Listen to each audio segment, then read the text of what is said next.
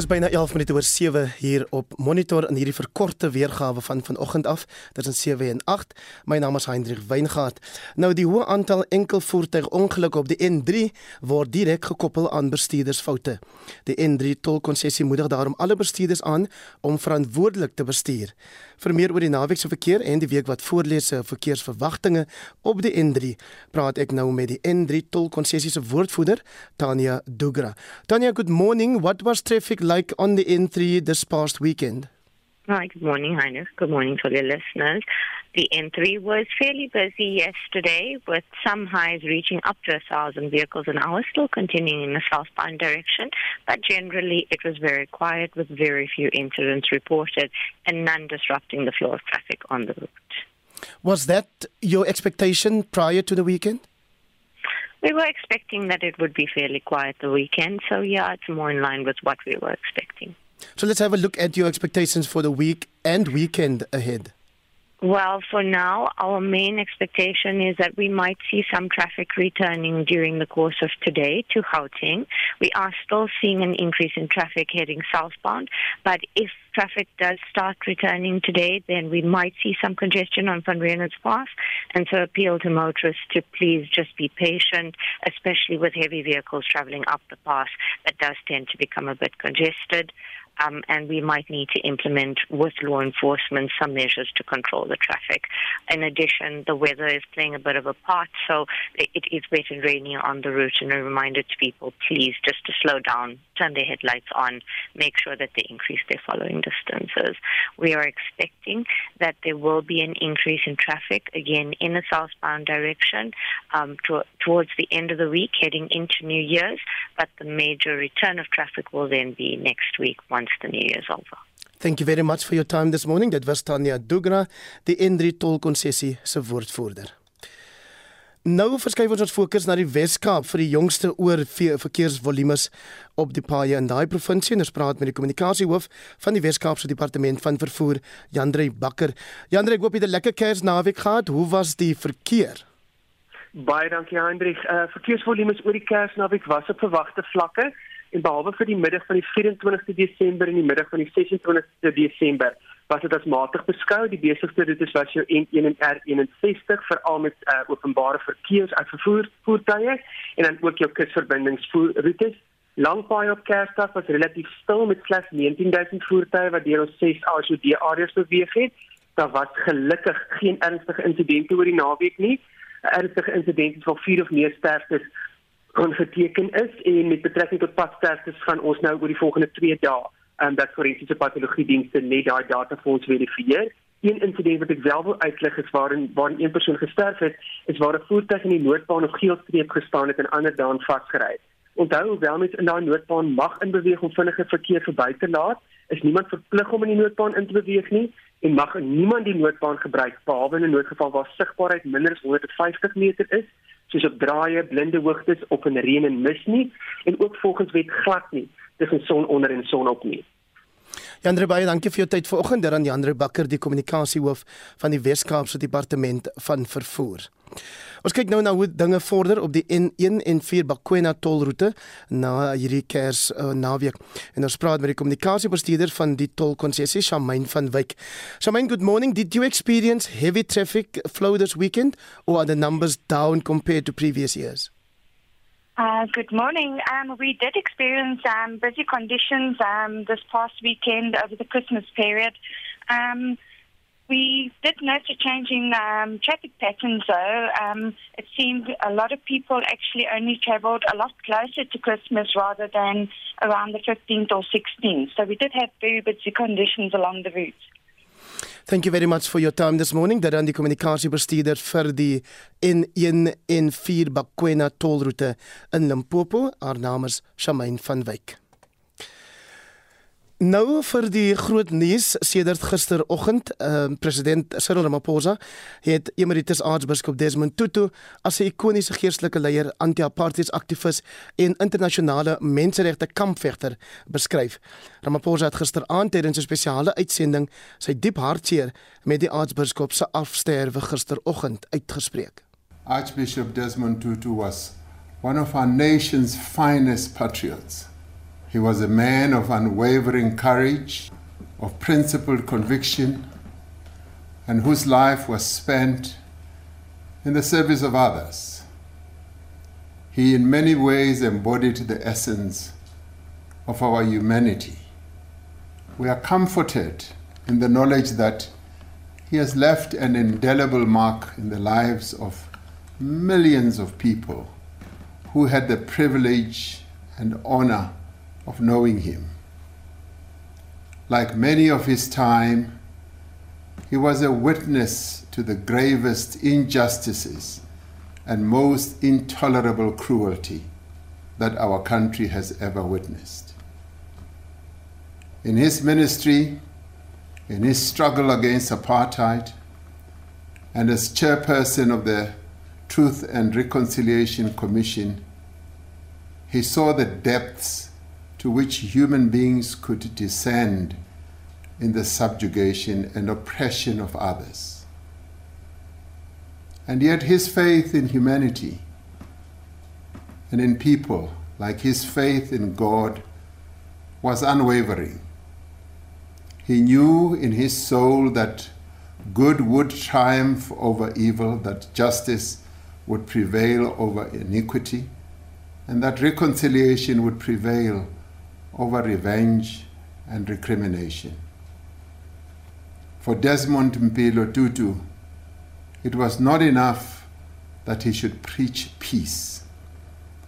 He had to join with the people of this country, and indeed the people of all countries, in working tirelessly and diligently for the attainment of peace. Dan die stem daar van eh, president Cyril Ramaphosa. Dit is nou byna 18 minute oor 7 hier op monitor. Mitsi van der Merwe berig dat Aartsbiskop Desmond Tutu altyd onthou sal word vir sy rol as voorsitter van die Waarheids- en Versoeningskommissie. We have in the black community been living in a virtual state of emergency.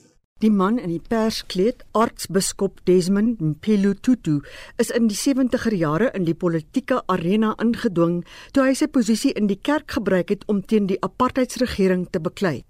Hy's in sy jeug deur die bekende Britse sendling Vader Trevor Huddleston beïnvloed.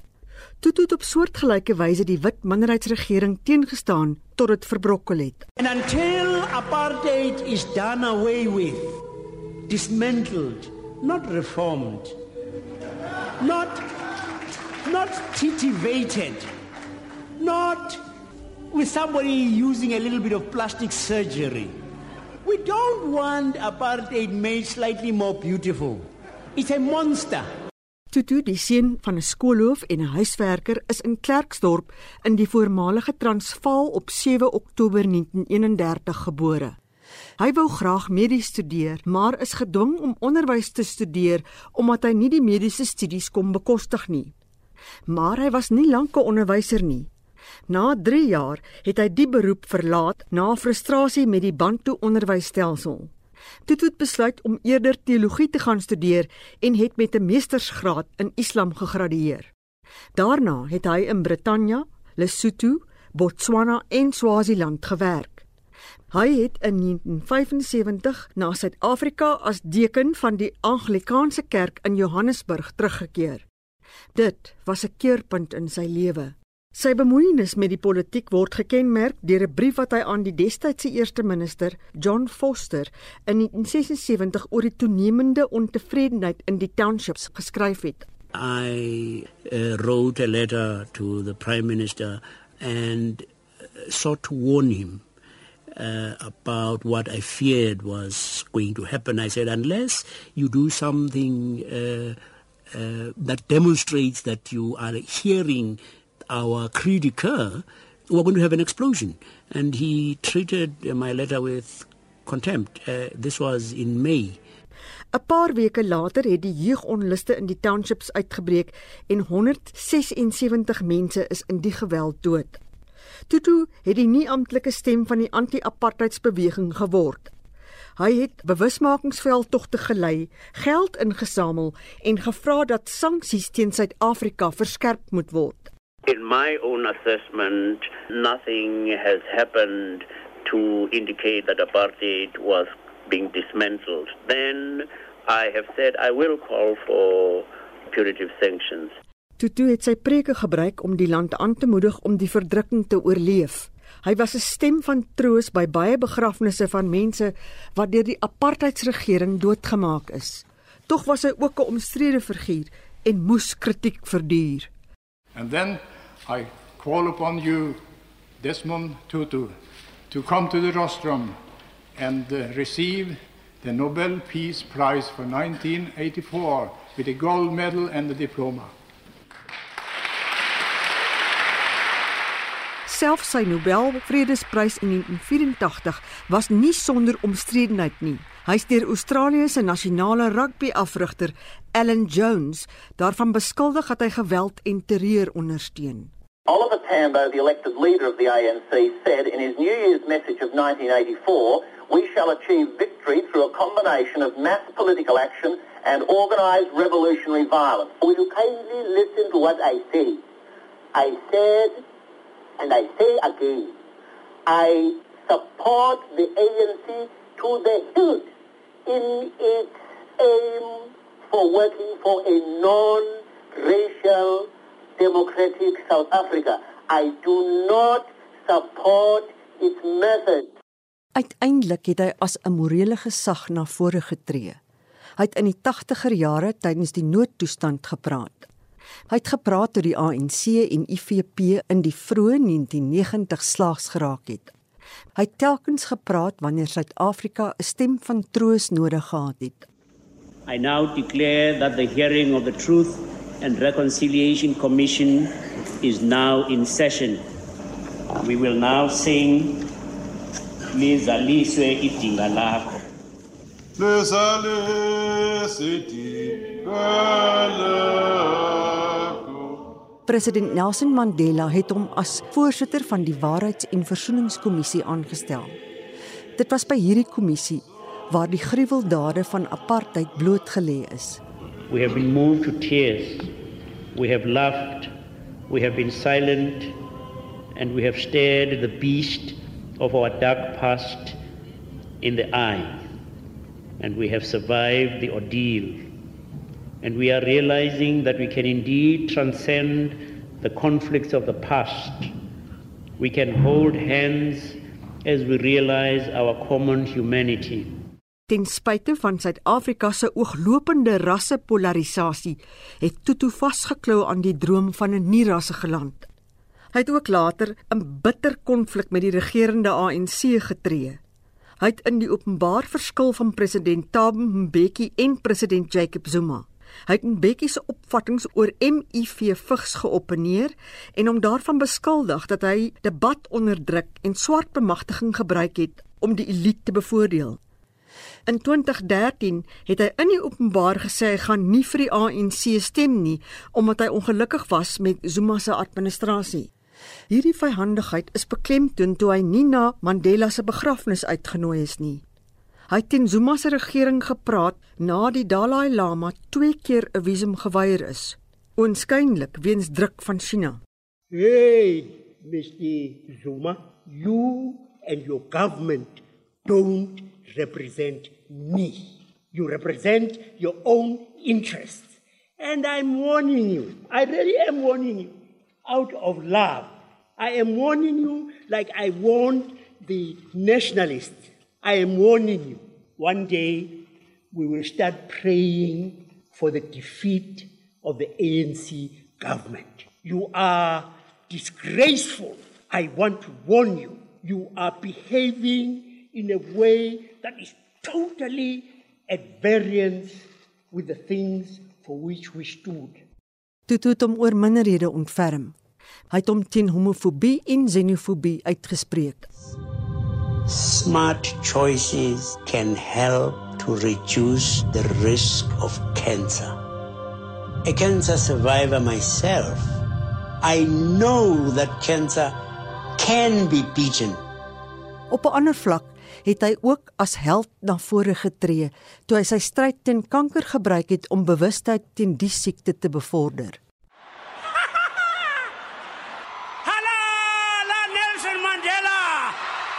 Desmond Tutu het 'n aansteeklike lag gehad wat die wêreld se harte warm gemaak het en ten spyte van rasseverskille het hy bly glo aan die reënboognasie. It's unbelievable. Hey, I'm dreaming, man. Hy was ook baie opgewonde oor die eerste sokker wêreldbeker toernooi op die vasteland van Afrika. Oh, what a lovely dream. Ja, ja, ja, ja, ja, ja, ja, ja. ja. Ses dekades lank was hy nou gemoed met Suid-Afrika se transformasie en het hy sy lewe daarin gewy om ongeregtighede uit te wys. Nie net hier nie, maar ook in die buiteland. Suid-Afrika se eerste swart aartsbiskop skryf sy suksesse toe aan sy vrou Lea. Deur dik en dun het hulle bymekaar gestaan, veral met sy stryd teen prostaatkanker. Byna 727 nou bietjie van 'n merwe het die berig saamgestel met die hulp van die voormalige SAIK nuusverslaggewer Angela Bolowana. Ons bly by Aartsbiskop Desmond Tutu se afsterwe en praat nou met 'n ou vriend en kollega wat onder meer saam met hom op die Waarheids- en Versoeningskommissie gedien het, professor Piet Meiding. Prof, goeiemôre. Hoe sal jy in 'n handvol woorde jou verhouding met die aarts beskryf? Baie dankie. Dit is so groot voorreg om iets te mag sê oor Aartsbiskop Tutu. Dit is so verskriklik geslag dat hy dood is. En mens wonder wat gaan van ons almal word. Maar aan die ander kant is mense hart so vol dankbaarheid oor wat hy gedoen het. Al die dinge wat hy net genoem het op die radio is regtig so. Op 'n persoonlike vlak. Ek het vir hom vir 40, 50 jaar geken. En vir my was dit altyd 'n verskriklike lekker ding om te ervaar dat hy nie net die man vir die skare is, so die man is vir groot dinge nie, maar dat hy in mense belangstel en my en my gesin en ons hartseer en ons vreugdes was hy altyd daar om vir ons te help en om vir ons by te staan. Die laaste jare uh, toe hy nou al bietjie oud was en bietjie sekerig was het my vrou Linda en ek dit ons hom gaan kuier. En dan was dit altyd 'n uh, heerlike fees uh, hy het vir Linda Ousie genoem. En as sy met 'n bak beskuit daar aangekom het dan was hy dubbel dubbel welkom gewees. maar toe toe het regtig nogal wat hy uh, voorgestaan het versoening baie prakties uitgeleef ook, ook in die sin dat hy uitgereik het na die Afrikaanse gemeenskap en na die kerke, na die NG Kerk. Uh, terwyl baie mense gereed was om die Afrikaners sommer af te skryf almal van hulle as volgelinge van apartheid uh, wat uit die pad moet kom, het hy nie so gepraat nie. En die waarheid te sê, en die 70 en 80 jare toe daar 'n uh, 'n groepie dominees in die NG Kerk was wat langsamerhand baie ongemaklik gevoel het oor apartheid en begin het om uh, aksies te loods en die kerk 'n ander pad te kry was hy altyd daar uh, om te ondersteun. Ek het nou vandag het 'n klompie van ons in uh, Pretoria by mekaar gekom, tamelik moedeloos omdat ons die wind van voor kry. En hier kom Tutu aan. Hy het uh, kom pas terug van die begrafnis van Olaf Palme die premier van Swede en hy sy tasse op die lughawe laat staan net gou in Pretoria met die klompie uh, eh, NV Domies te kom praat ons begin moet in te praat. Ek het nou ek het hom gevra maar aartsbiskop as u nou 'n dominee in die NV kerk was? Wat sou u vir die mense gesê het? Hoe sou u gepreek het as u ons was? Hy het uit sy maag uitgelag en gesê die Here het sy groot voorsienigheid besluit dat hy nie dominee in die NV kerk sou wees nie. Wat het hy gesê stel jou voor ek het dominee in die NG Kerk. Maar toe word hy ernstig. Toe sê ek sou drie goed preek. Ek sou baie ernstig vir mense sê, waar staan julle met die Here? Julle geloof in die Here is belangrik. In die tweede plek sal ek praat oor hoop. Want hy het gesê ek kan goed dink dat uh, blankes in Suid-Afrika in die 80e jare baie gewonder oor die toekoms. Ek sê vir hulle gesê, onthou, die toekoms is in die hand van die Here. En in die derde plek jy gesê dat los nou die simpel apartheid. Dis waar al die moeilikheid begin het. Ek het nog baie keer gedink dat dit 'n onstuitige boodskap is. Die drie dinge moet ons op vandag vir mekaar sê. Uh maak seker waar jy by die Here, by die Here staan en hou vas aan die hoop en los nou al die dinge in die samelewing wat ook geregtigheid uh, bring. Maar net ek net byvoeg wat die NG Kerk betref, dan is my baie interessant dat dit uh, altyd 'n hand lei uitsteek het toe Willie Jonker destyds die eerste eh uh, verskoning van apartheid aangeteken het, was hy die eerste een om op te staan met sy ons aanvaarde. Die Fred Swanepoel jare later by die Waarheids- en Versoeningskommissie die NG Kerk se verslag moes bring, en die moeisame pad van die NG Kerk met apartheid en ook om los te kom van apartheid beskryf het, het hy opgestaan om hom te omhelp.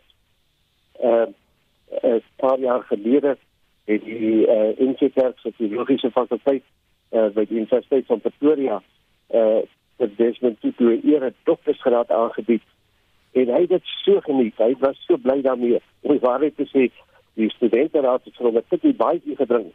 Hy ere klere baie. Dit het hy in die jare daarna altyd gedra. As mens gaan kyk na die nuutste laaste boek van Tutu, die boek van Elf van Joy, waar hy en die Dalai Lama gesels oor wat die diepste waardes van die lewe is. En jy klomp foto's van die Dalai Lama en sy veel boeddhiste monnike by staan en toe toe op die meeste foto's met sy stukkie baie aan vir almal om te sien.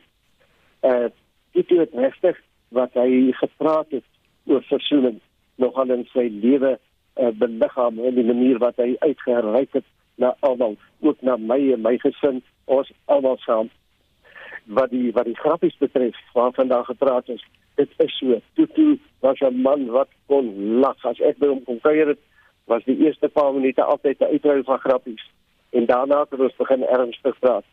Maar ek het ook beleef hoe hy sy humor aangewend het om 'n regte ernstige situasie te ontlont.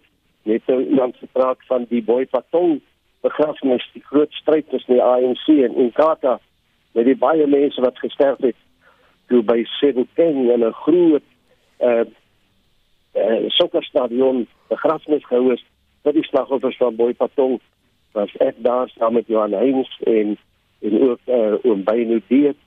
Maar die stadion was gepak en die mense was woedend en uh, die skare het het al weer opgewonde geraak. Die strese van Amanda het geklink. Winnie Mandela baie ander spelers het gepraat en die mense ja. uh, opgesweep uh, die polisie het rondgevlieg met helikopters en pamflette afgesgooi wat niks gehelp het nie wat se mense sê hou weg en nou moet toe preek.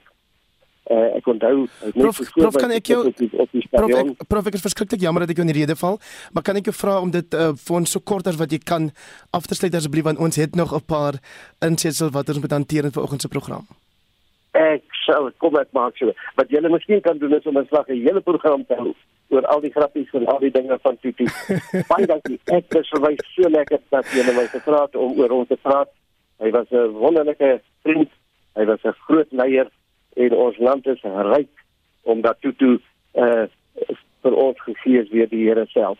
Dankie vir die voorreg dat ons met u kon praat vanoggend. Professor Piet Meiding is 'n ou vriend en ook 'n ou kollega van Aartsbiskop Desmond Tutu. Nou die oud minister en menseregte kommissaris Leon Wessels het 'n lang pad met Desmond Tutu gestap. Hy was die nasionale party se parlementslid vir Kreersdorp toe sy pad die eerste keer met Tutu gekruis het en ons praat nou met hom. Dr Wessels, goeiemôre. Goeiemôre Hendrik. So uh, julle was of liewer Desmond Tutu was op skool in Kreersdorp. Hoe het julle twee se paaie die eerste keer gekruis? Ja, dit dit is nie alom bekend nie in die jare wat hy siek was as as 'n jong seun het hy uh, hier in Kreersdorp Mandriewil deurgebring. Sy suster Gloria Gadebe woon nog steeds hier in in Mandriewil in die familiehuis. Daarom is Mandriewil en Kreersdorp ook hulle stukkie van Desmond Tutu uh, se lewe op.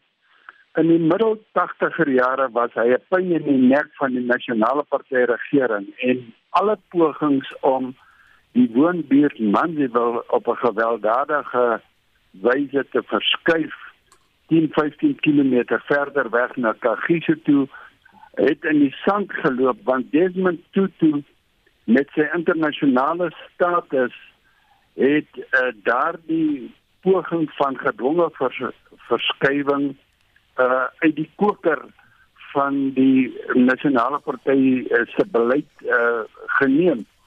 Uh, daar da kon eenvoudig net nie daarmee voortgegaan word nie. Die binnekring is gesê dat gegeewe Tutu se internasionale status uh sal dit herry uh ontketen.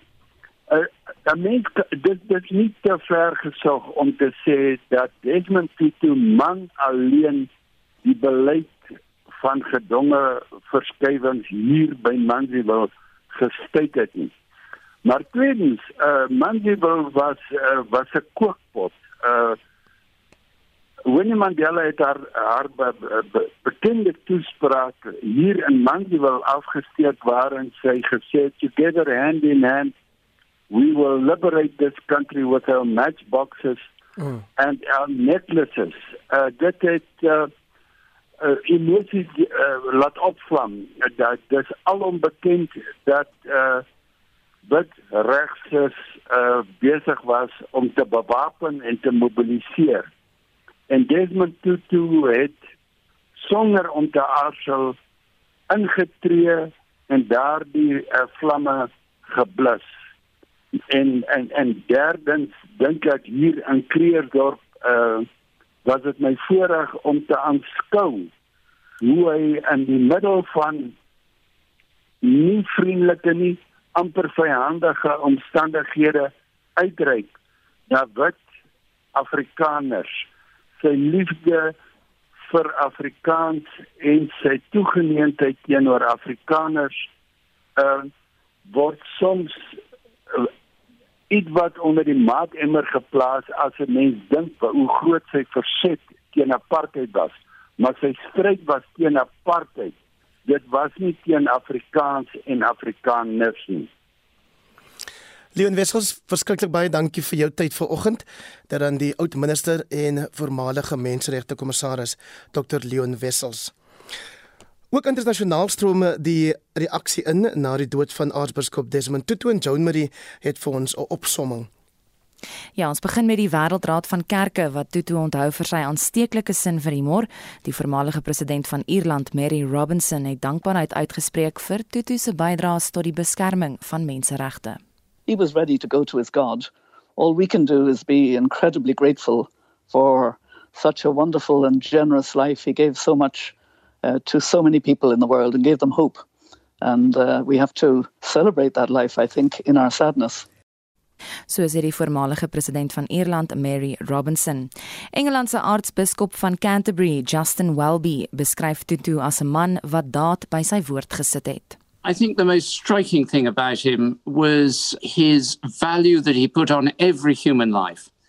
And also, he combined that with forgiveness. So he was angry with injustice, but if the perpetrators of injustice turned away from what they'd done wrong, he was quick to forgive and to form relationships. And he just had this extraordinary, bubbly, overwhelming sense of humor. I mean, you laughed the whole time when you met him. Dit was Engeland se aartsbiskop van Canterbury Justin Welby. Die voormalige Amerikaanse president Barack Obama onthou Tutu ook vir sy sin vir humor. In 'n roerende brief het Obama die aartsbiskop beskryf as 'n mentor, 'n vriend en 'n morele kompas. En dan terug op die vasteland stroomelde blyke ook in Botswana se voormalige president Ian Khama sê Tutu het homself toegewy aan die beskerming van menseregte. He was a marvel when it came to standing up for people's rights. We saw that expressed during the apartheid days when he was a very strong and effective anti apartheid activist. He's also been an extremely active person when it comes to championing human rights all around the world, but of course, especially here in South Africa. I remember very well during the Truth and Reconciliation Commission how he was so passionately involved, and at one stage, even breaking down in tears when he heard the testimony about how people are treated.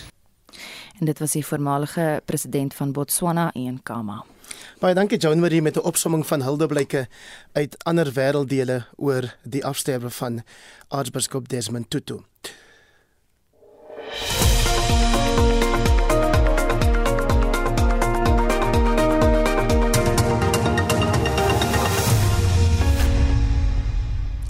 20 voor 8 en ons kyk na die sportgebeure van die naweek saam met Pieter van den Berg. Pieter, ek hoop jy het 'n kans gekry om 'n lekker Kersmaaltyd ook te geniet.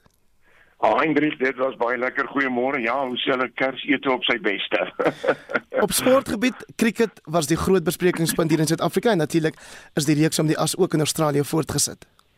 Ja, die eerste toets in Suid-Afrika en Indië het gister op Supersport Park in Centurion begin. Vir Suid-Afrika het die nuweling linkshandige snelbouler Marco Jansen sy debuut gemaak Nou Indië die lood gewen en dit gaan kolf in die oggendsessie nie een paaltjie verloor nie. Om die waarheid te sê, die middagete telling was 83 sonder verlies en Suid-Afrika se eerste sukses het eers in die 40ste bilbeurt gekom toe daar twee paaltjies met twee agtereenvolgende balle deur Ngidi geneem was. Teen 'n teetyd was Indië op 157 vir 2. En teen uitskeidtyd was daar een meer paadjie plat, die telling 272 vir 3. En nou ja, die totaal van Indië is baie beter as die gemiddeld wat oor die jare op Supersportpark op dag 1 van 'n toets opgestel was. Nou dit is 267 vir 7. Hulle 272 vir net 3 paadjies op die tellbord. Vanoggend om 10:00 sal Rahul voorkom met sy telling op 122 wat 17 vierde en 'n 6 insluit en Rani hy staan op 40. Luki Ngidi, hy het in 17 bilbeerte het hy 3 paadjies vir 45 plat getrek. En onthou gerus dat RSG daagliks gereeld verslae sal 'n verslag sal lewer oor die gebeure. Dit is tydens al drie toetse. En dan het jy genoem van Australië se toets. Dis natuurlik die reeks om die as tussen Australië en Engeland. Heinrich van daar is die tweede dag reeds ver gevorder. Op dag 1 is die Engelse uitgehaal van net 185 lopies. Joe Root, hy het daar 50 bygedra en dan Pat Cummins en Nathan Lyon. Hulle het elkeen beide drie paaltjies met uh, net of vir net 36 lopies dan plat getrek. Dan die Aussies, hulle dag 1 gister afgesluit op 61 vir 1 en uh, op dag 2 is reeds die derde sessie 236 vir die verlies van 8 en uh, ja 236 vir 8 gee van 'n reeds 'n voorsprong van 51 lopies maar is Engeland wat goed daar terugveg. Ons moet ook onthou Heinrich dat die Aussies het die eerste twee toetse op 'n drafstap gewen. Pieter geen rugby tans hier by ons nie, maar wel aksie in die buiteland. Ja, ek moet sê die Suid-Afrikaanse spanne sal eers weer op 14 eh, en 15 Januarie in aksie wees. Dis in die Verenigde Rugby Kampioenskap en in die Karibiese reeks. Dit skop af op 22 Januarie en daar is natuurlik ook die Wêreld Sewe reeks wat daar dieselfde naweek in Malaga in Spanje sal begin. Die Verenigde Rugby Kampioenskap vir die oorseese spanne nou al vier wedstryde gister is uitgestel weens Covid. Maar in die Premier League is daar gister vier wedstryde afgehandel. Dit is 'n paar wat pak gekry op hulle tuisveld. Laster het hulle met 40-20 geklop. Dan het uh, Woester pak gekry. Saracens was baas met 61-29. Was klop vir London Irish met 38-30 en dan 'n 2 punte oorwinning vir die Leicester Tigers, 'n regoorwinning van 2 punte van 28-26 oor die Bristol Bears. Die voorbereidingstoernooie vir die Aussie Ope tennis toernooi begin hierdie Vrydag. Verskeie spelers wat beseer is en nie in aksie gaan wees nie, Pieter. Ja, dit is baie waar Hendrik die Kanadese Milos Raonic. Hy's een van hulle. Hy sukkel steeds met 'n hakskeen besering. Hy word vandag 31 jaar oud. Nou, hy was in 2016 nommer 3 in die wêreld en hy staan 70ste op die wêreldranglys. Ander beseerde spelers wat nie in Aussie Open in aksie sal wees nie, as gevolg van beserings, sluit in Roger Federer, Stan Wawrinka, Jennifer Brady, Caroline Pliskova, Karolina Moskova en dan ook Serena Williams as ook Bianca Andreescu. Dan intussen is Novak Djokovic se deelname aan die ATP beker in die weegskaal. Dis nou net so voor die Aussie Ope ook omdat hy nie wil aandui of hy ingeënt is teen COVID nie. En gepraat van die ATP beker, dit word in Sydney gespeel. Dis natuurlik 'n spontoernooi wat die jaar se tennis elke jaar aanskop. En dan sien ons dat intussen 'n Dennis Shapovalov van Kanada positief getoets vir sy deelname voor hierdie ATP beker. Uh, dit is Shapovalov wat verlede week by die uh, wêreldtenniskampioenskap in Abu Dhabi vir Rafa Nadal geklop het en dit was in die uitspeel om die derde plek gewees. Kom ons maak nou 'n draai op die sokkerveld plaaslik geen Premier Liga wedstryde nie, maar in Engeland is daar steeds wedstryde wat geskeduleer is en uiteraard ook groot belangstelling uitlok hier by ons. Ja, die plaaslike Premier Liga sal eers weer op 16 Januarie hervat. Nou gister in Engelse Premier Liga is daar 5 wedstryde gespeel, maar dan moet ek ook noem dat 3 uitgestel is weens COVID. Nou Brighton het vir Brentford geklop met 2-0. Aston Villa het pak gekry op hulle tuisveld. Chelsea was daar baas met 3-1. Dan Man City 'n reuse oorwinning van 6 doele teenoor 3 oor Leicester City. Southampton 'n wegoorwinning van 3-2 oor West Ham en dan is dit Tottenham Hotspur wat vir Crystal Palace met 3-0 getroof het. En dan Norwich City, hulle kry pak op hulle tuisveld. Arsenal klop hulle met 5 doele teenoor 0. Op die punte leer is Man City nou uh, na 19 wedstryde op 47. Liverpool is tweede met 41 punte na 18 wedstryde en Chelsea in die derde plek. Hulle het ook 41 punte, maar dis na 19 wedstryde. Vandag is daar een wedstryd daai in Dries wat gespeel word. Dit is in die Premier League, Newcastle teen Man United en daardie wedstryd is om 10:00 vanaand en ek sal natuurlik net so skuins na 10 vandag terug wees uh, vir ons luisteraars en dis die jongste cricketnuus dan van ons Supersport Park en dis dag 2 van hierdie eerste toets tussen Suid-Afrika en Indië. Bye bye, dankie dan Pieter van der Berg van ons sportredaksie. Die horlosie staan nou op 7:45. Die herstel van natuurlike habitatte was een van die groot besprekingspunte by die COP26 klimaatsberaad in 2021. Dit behels onder meer om wild te hervestig om die herstel van natuurlike ekostelsels te bespoedig. Maar dan het verseë berig egter dis nie so maklik gesê as gedaan nie, want die konflik tussen die mense en wilde diere, veral bobajane en blou apies, lyk dikwels onmoontlik om op te los. 'n Vinnige soektog op die internet oor konflik met die primate spreek boonop boekdele. One monkey down. So it starts. Happy, yeah! Here we go, guys. One dead vervet monkey on camera. It's a pretty nice shot I got. Bit of a small one though. Making sure he's dead. Time to go after the naughtiest little fairy mischiefs you'll ever see and feed them with a healthy dose of lead.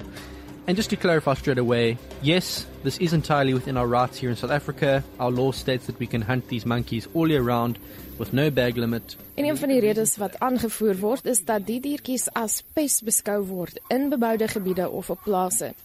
Kom liefie. Ja. Hallo Bobby. Dis egter nie oral die geval nie. Die is Bambelela, 'n blou aap rehabilitasiesentrum, 'n klipgooi van die ATKV se klein Kariba oord in Limpopo. Jy het gesê jy kan hulle almal uitmekaar ken. Ja, almal het name. Soos nou hier is nou 'n klein Iris. Ek het daar laas jaar het ons al basies vir dit gemaak. Sy is nou amper 2 jaar oud. Sy kan my net uitlos nie. Baie liefdevol. Ja, liefie. Ja. Ja. Ja. Erik van der Walt is hier by die AP Kleuterskool. Hy werk al 2 jaar by Bambelela saam met die primaatbestuurder Belinda Langlois en sy is al sowat 13 jaar hier. Alright, so hier is ons indoor en ons outdoor pasiënthokke. Dit is waar al die siek ape inkom, die wat geskiet is, ander was doodgetrap deur 'n kar die ma, dan kom die baba in, mense wat hulle optel en hulle hou se troeteldier. Ons groot naam is die, die groot 3 R'e, rescue, rehabiliteer en release. Hoe werk dit? Hoe kies julle waar om die apies vry te laat? Ons ry rond en dan sal ons kyk wat se plase lyk gepas. Ons bel dan gewoonlik eers die plaas eienaar en vra sal hulle belangstel of ons het 'n release proposal wat ons uitstuur. Soos nou byvoorbeeld, ek het 'n tannie wat vir ons 'n aapie gerescue het. Sy het my gebel en vir my gesê iemand was nou net daar by haar gewees. Hulle soek 'n trop apies want hulle is besig met natuur weet op te bou en so vind ons ook ons release sites van mense wat sê hulle stel belang dat apies vrygelaat kan word op die perseel. Sedert die stigting van die sentrum in 2003 is 25 troppe blou apies op die manier weer in die natuur vrygelaat. Die meeste apies se reis na vryheid begin by die Apie Dagsorgsentrum. En volgens die veldgids en opsigter Izet Bytel is dit die enigste fase waar besoekers by die apies toegelaat word. Kyk, dis nou gou uit daar. Hulle is floppy. Toe wil nie mekaar uitlos nie. So sit nou hier met van hierdie klein baba apies. Een van hulle se gesiggies is so donker. Hoekom is dit? So dit is wanneer hulle deur 'n traumatiese ervaring gegaan het, wat hulle gesiggies donker gaan. So wanneer hulle gebore is, is hulle gesiggies heeltemal pink. En dan as hulle deur daai trauma gaan, dan kan ons onmiddellik sien dat daai AB is besig om deur 'n depressiewe stadium te gaan. Sodra hulle deur daai stadium gewerk het, dan verander die gesiggie weer na die normale kleur van hulle. So hierdie enetjie hierso met die swart gesig, wat het gebeur? Sy het letterlik gesien hoe haar ma deur die trok dood gery is. Sy het nog aan die ma vasgeklou.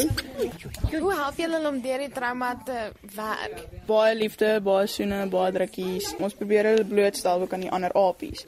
So vinniger mense dit kan doen, hoe vinniger werk hulle weer daai trauma. Van hier af word apies verskuif na die sogenaamde kleuterskool en word hulle onder leiding van ouer wyfies geleer om saam met ander ape te leef.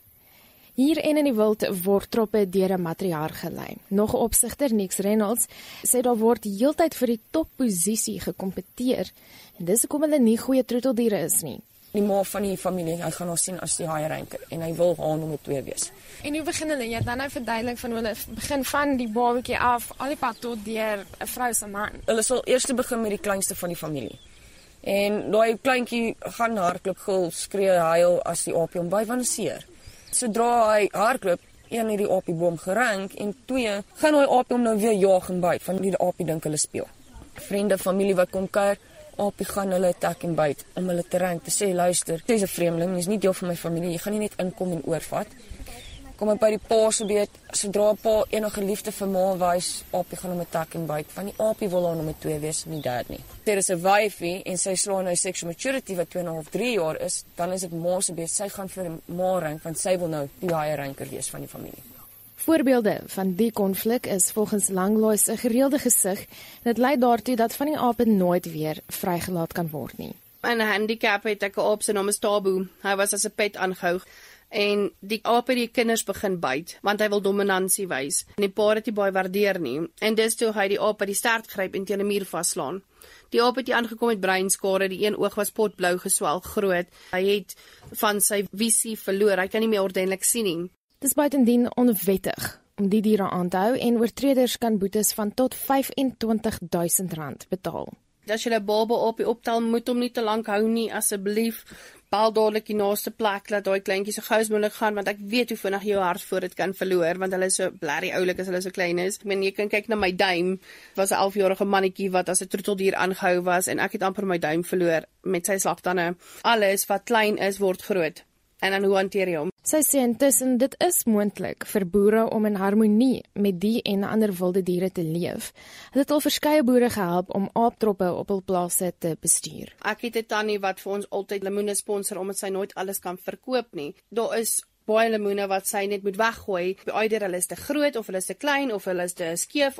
Nou as hulle daai lemoene vat en ver van hulle lande af 'n alternatiewe voerplek maak vir al die diere want enige dier wat 'n vrug like gaan daar wees.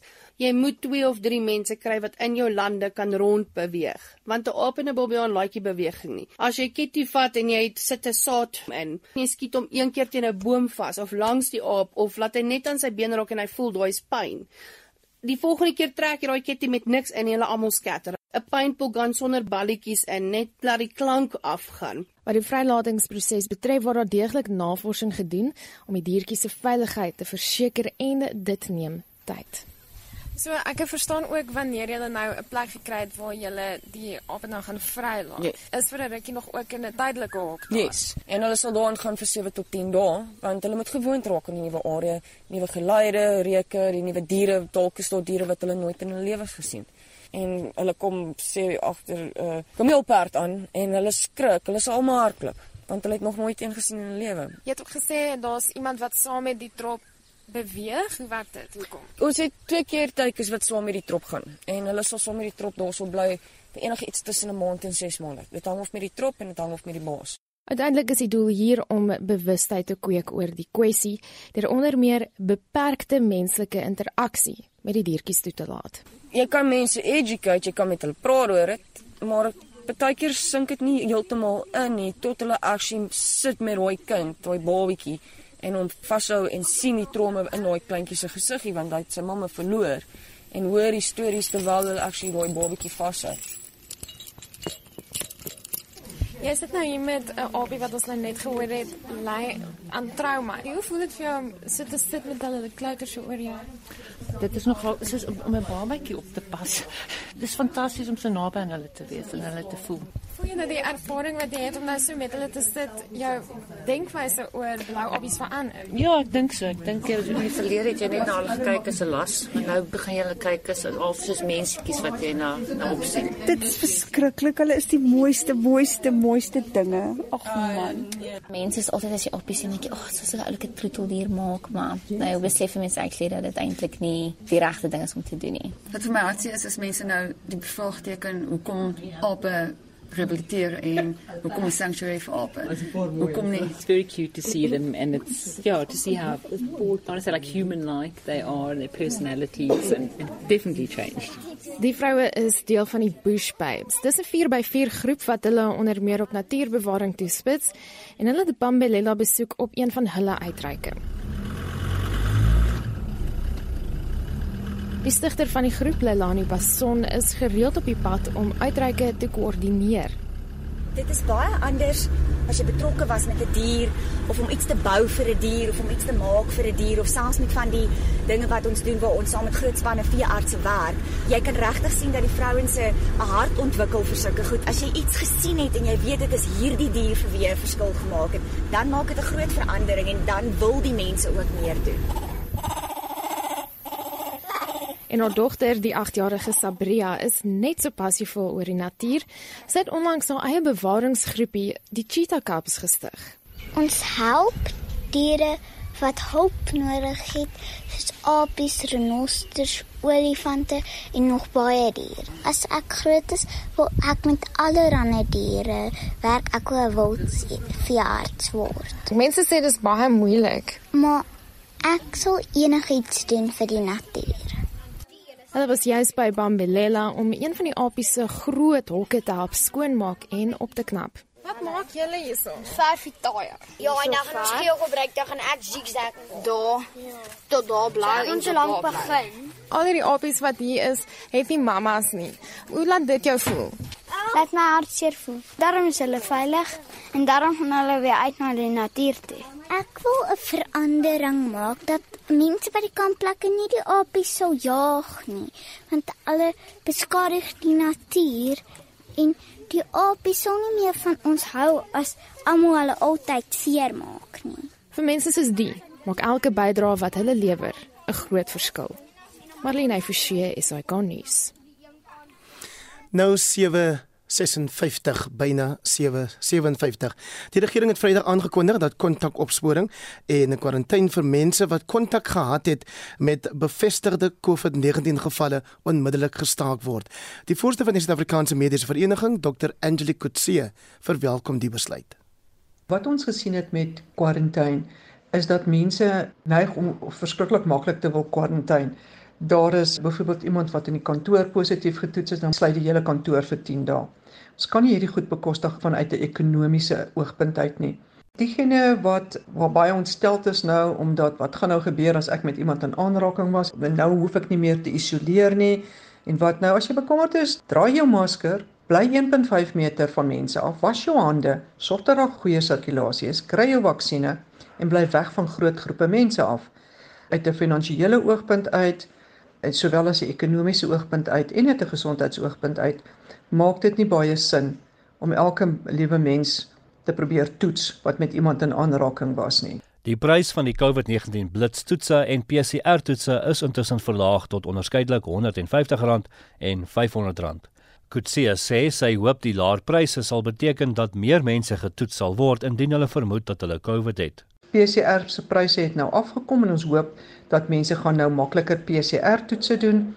Dit is die laboratorium toetse weer eens daai toetse baie betroubaar veral na dag 6. Die rapid toets betroubaar tussen dag 1 en dag 5. As jy al 'n week loop en jy wil dan gou by die apteek gaan toets, jy mors jou geld en jy mors jou tyd. Jy moet 'n PCR toets kry. Diegene wat matige simptome het, moet vir 8 dae isoleer en diegene wat ernstig siek is vir minstens 10 dae. Ek is Justin Kennedy vir SI Garnis. En daar is van julle wat saamgesels op ons SMS lyn oor die afsterwe van aartsbiskop Desmond Tutu Joan Marie het gaan kyk. So Sarah skryf op Facebook rus in vrede 'n groot boom het geval. Chrissy sê hy was onverskrokke in sy kritiek teenoor politici. Hy het nie geskroom om selfs die ANC aan te vat nie. Rus in vrede skryf Chrissy. Johan sê ek het hom een keer hoor praat by Rema, 'n baie skerp sin vir humor, 'n baie vriendelike man gewees. Barend van der Merwe skryf hom een keer gesien by 'n geleentheid in Bloemfontein Wat my bybly is sy humor. Hy kon 'n gehoor laat skater lag net om die volgende oomblik die humor af te wissel met snyende kritiek. En Benny wat op Facebook skryf: "Ons nasie is armer sonder hom. 'n Merkwaardige mens. Ek onthou sy integriteit, sy kritiek teenoor alles wat verkeerd was en sy wonderlike sin vir humor." En ek onthou dat ek as 'n jong verslaggewer daar vir die Caledon Contrainers destyds die jaar na matriek, dis 1992, die voorreg gehad het om die aartsbiskop te kon ontmoet op my tuisdorp. Ons groet namens ons waarnemende uitvoerende regisseur Jean Esterhuizen, die redakteur vanoggend is Justin Kennedy en die produksieregisseur Frik Wallis. My naam is Heinrich Weingart en ek wens jou 'n fantastiese maandag toe.